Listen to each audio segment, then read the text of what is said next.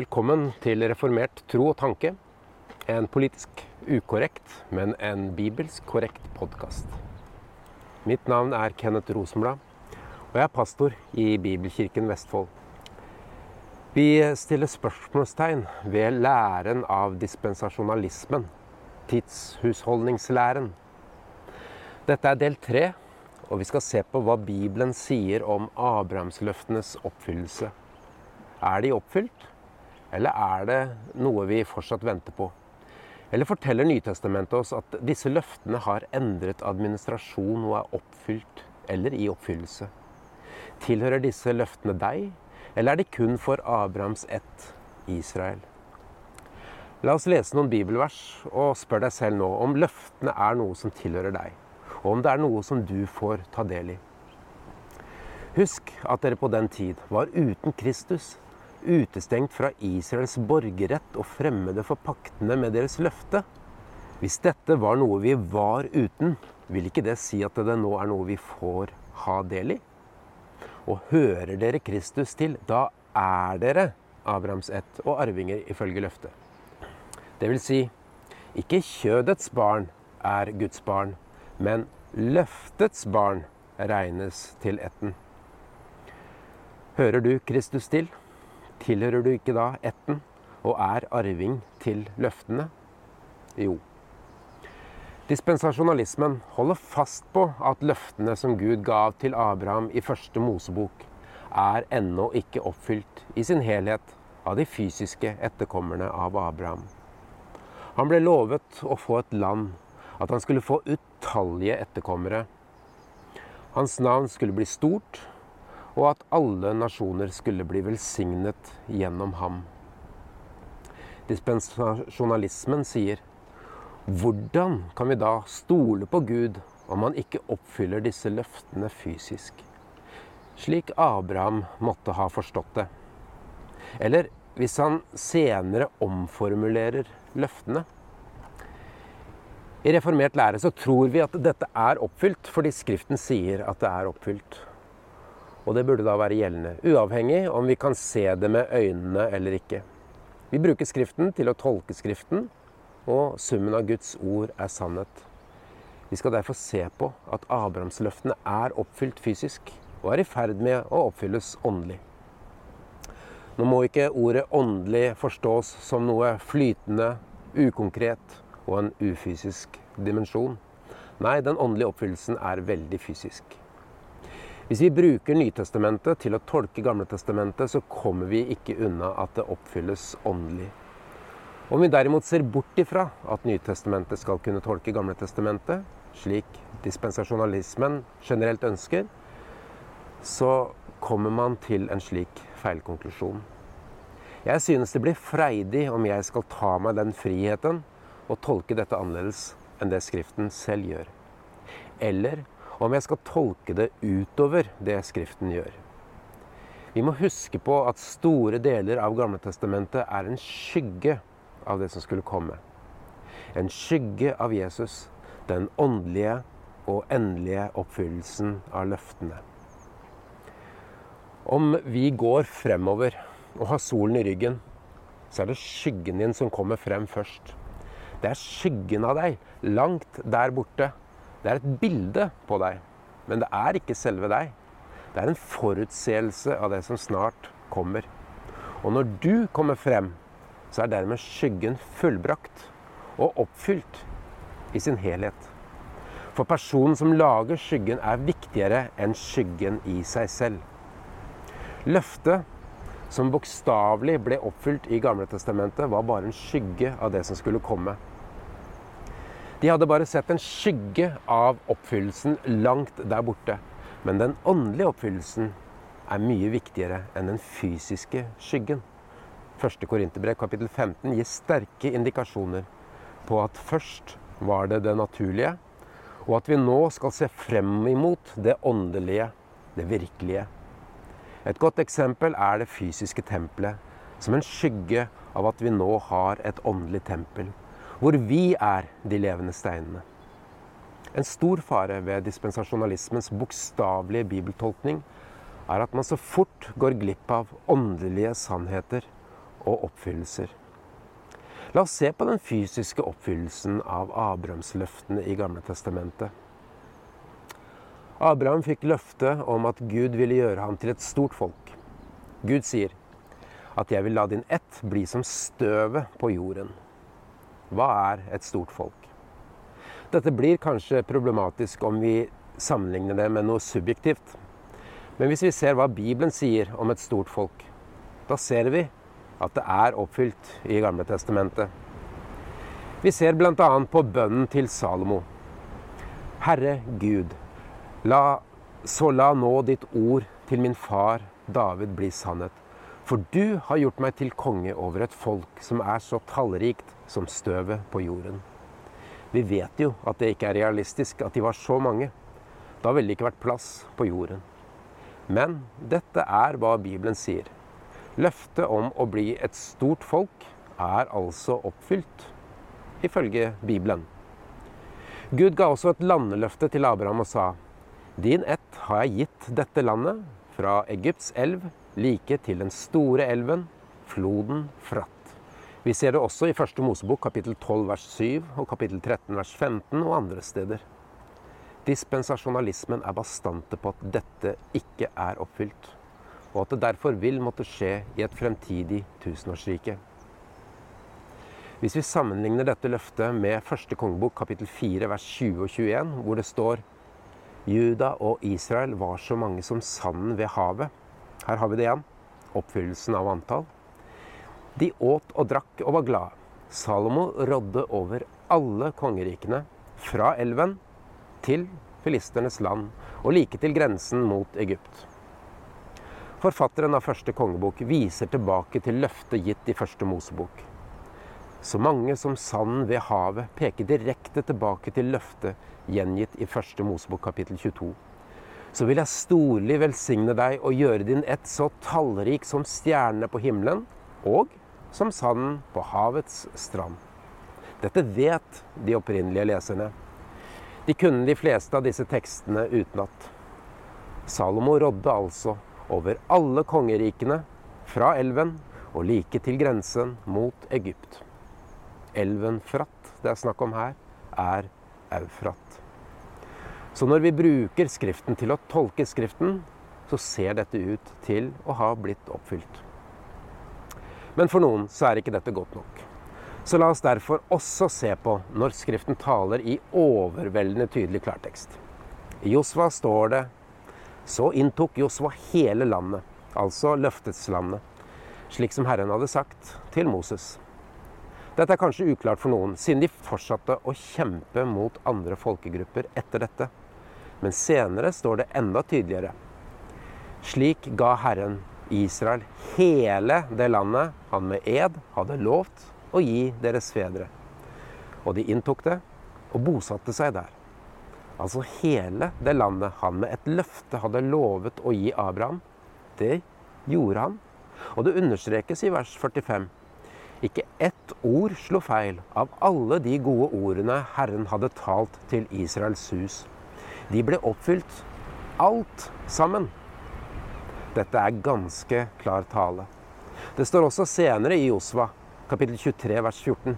Se, jeg går snart all jordens vei så skal dere da av hele deres hjerte og av hele deres sjel kjenne at ikke et eneste ord har slått feil av alle de gode ordene Herren deres Gud har talt til dere. De er alle sammen oppfylt for dere. Ikke et eneste ord av det har slått feil. Dette er hva Skriften sier. Og konklusjonen blir da at Abrahamsløftene ble fysisk oppfylt, alt sammen. Ikke et eneste ord slo feil.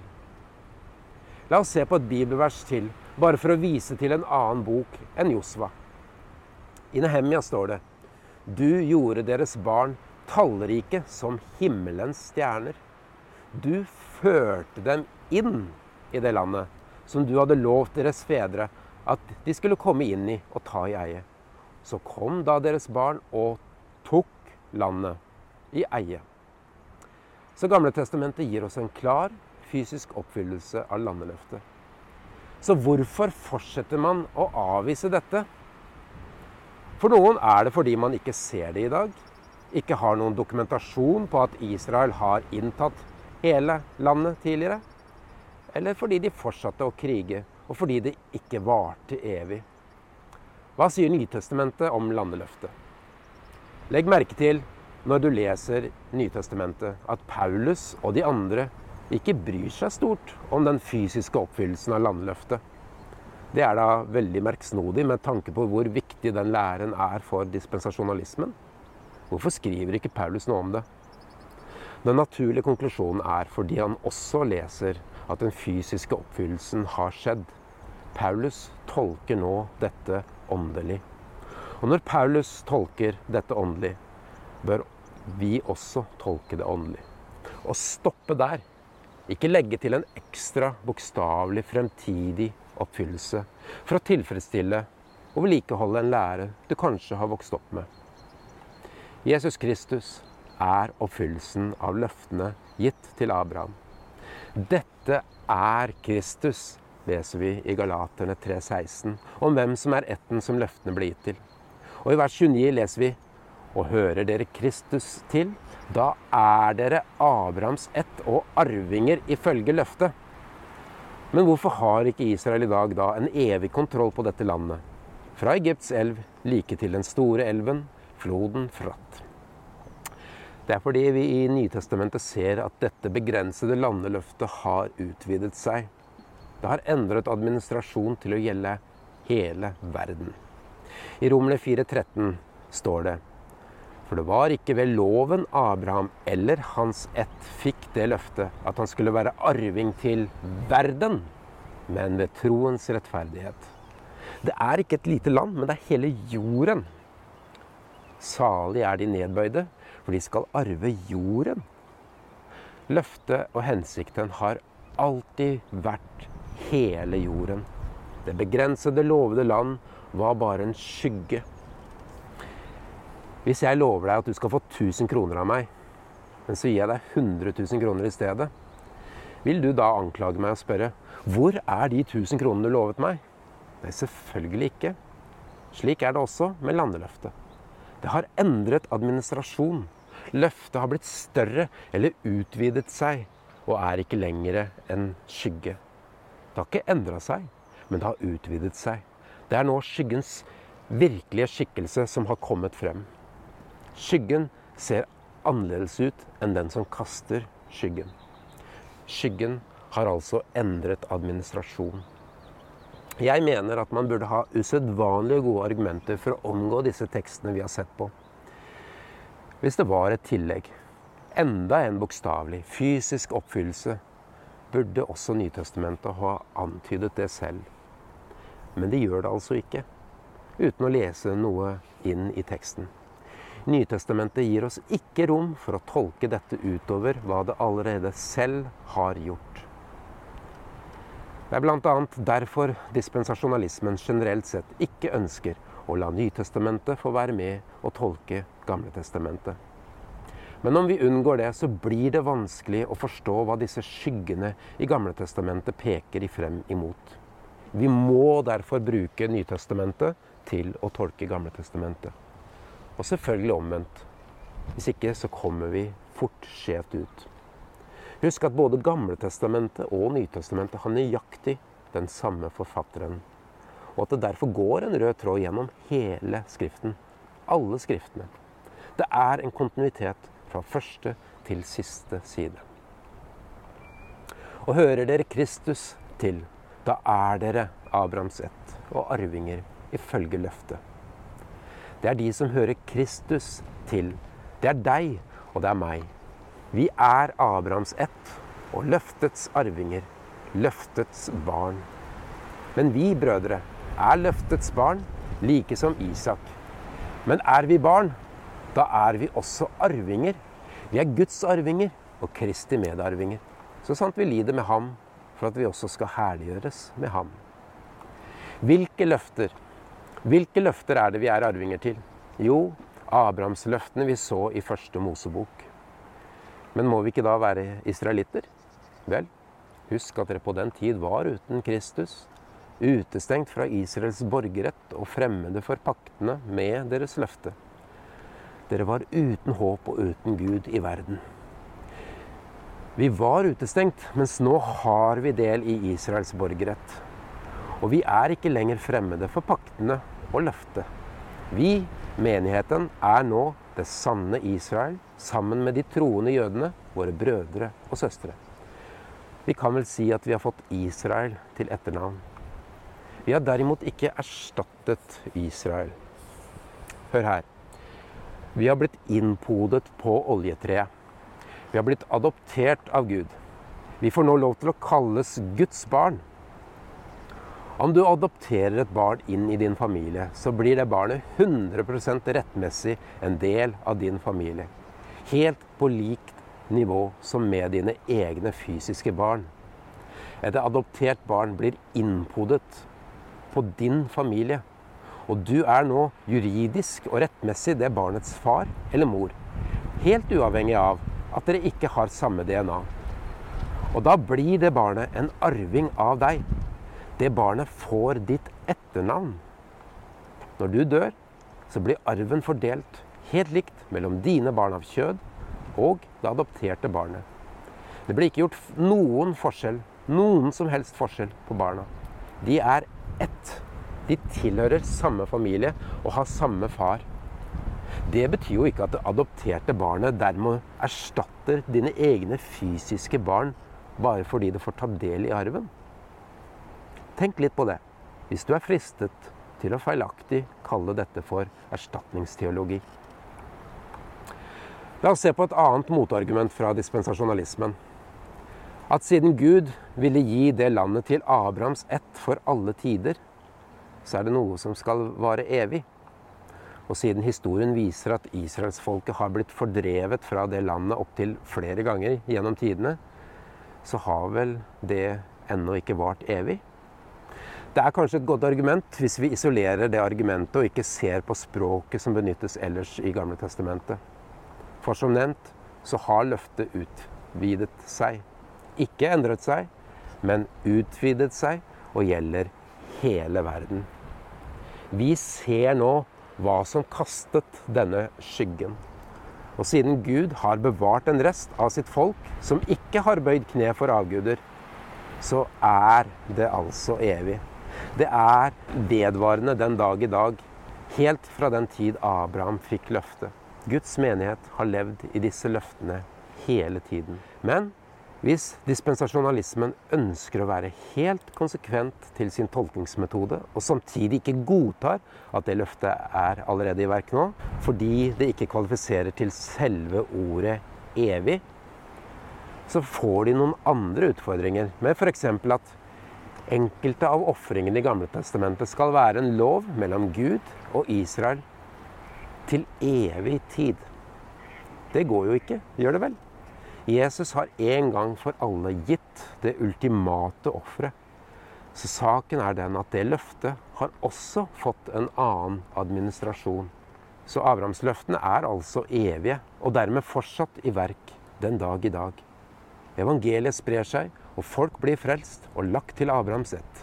Blir innpodet på oljetreet, blir adoptert, slik at de får ta del i løftene slik at etten vokser seg tallrike som stjernene på himmelen. Og tempelet bygges større og større av levende steiner, og Gud er byggherren. Det er en kontinuitet, en sammenheng og en rød tråd gjennom hele Bibelen. Vi tror at Gud er nådig og vil la mange jøder komme til omvendelse før Jesus kommer igjen. Disse vil da bli innpodet og bli en del av den samme sanne menigheten som du og jeg og Abraham er en del av. Å holde fast på dette løftet er en motivasjon til å evangelisere, også blant jøder. Det er ikke forskjell på hedninger og jøder, selv om Gud ikke er ferdig med Israel. Denne undervisningsserien var veldig kompakt og kort. Jeg har latt mange bibelvers bli liggende for å spare tid. Så det jeg har presentert her, er overhodet ikke uttømt på skriftgrunnlag. Jeg oppfordrer deg til å selv studere dette temaet, fremfor å bare stole på det jeg sier. Om du kun har hørt på denne undervisningen på podkast, så har du gått glipp av en del bibelhenvisninger som kommer frem i videoen. Guds fred.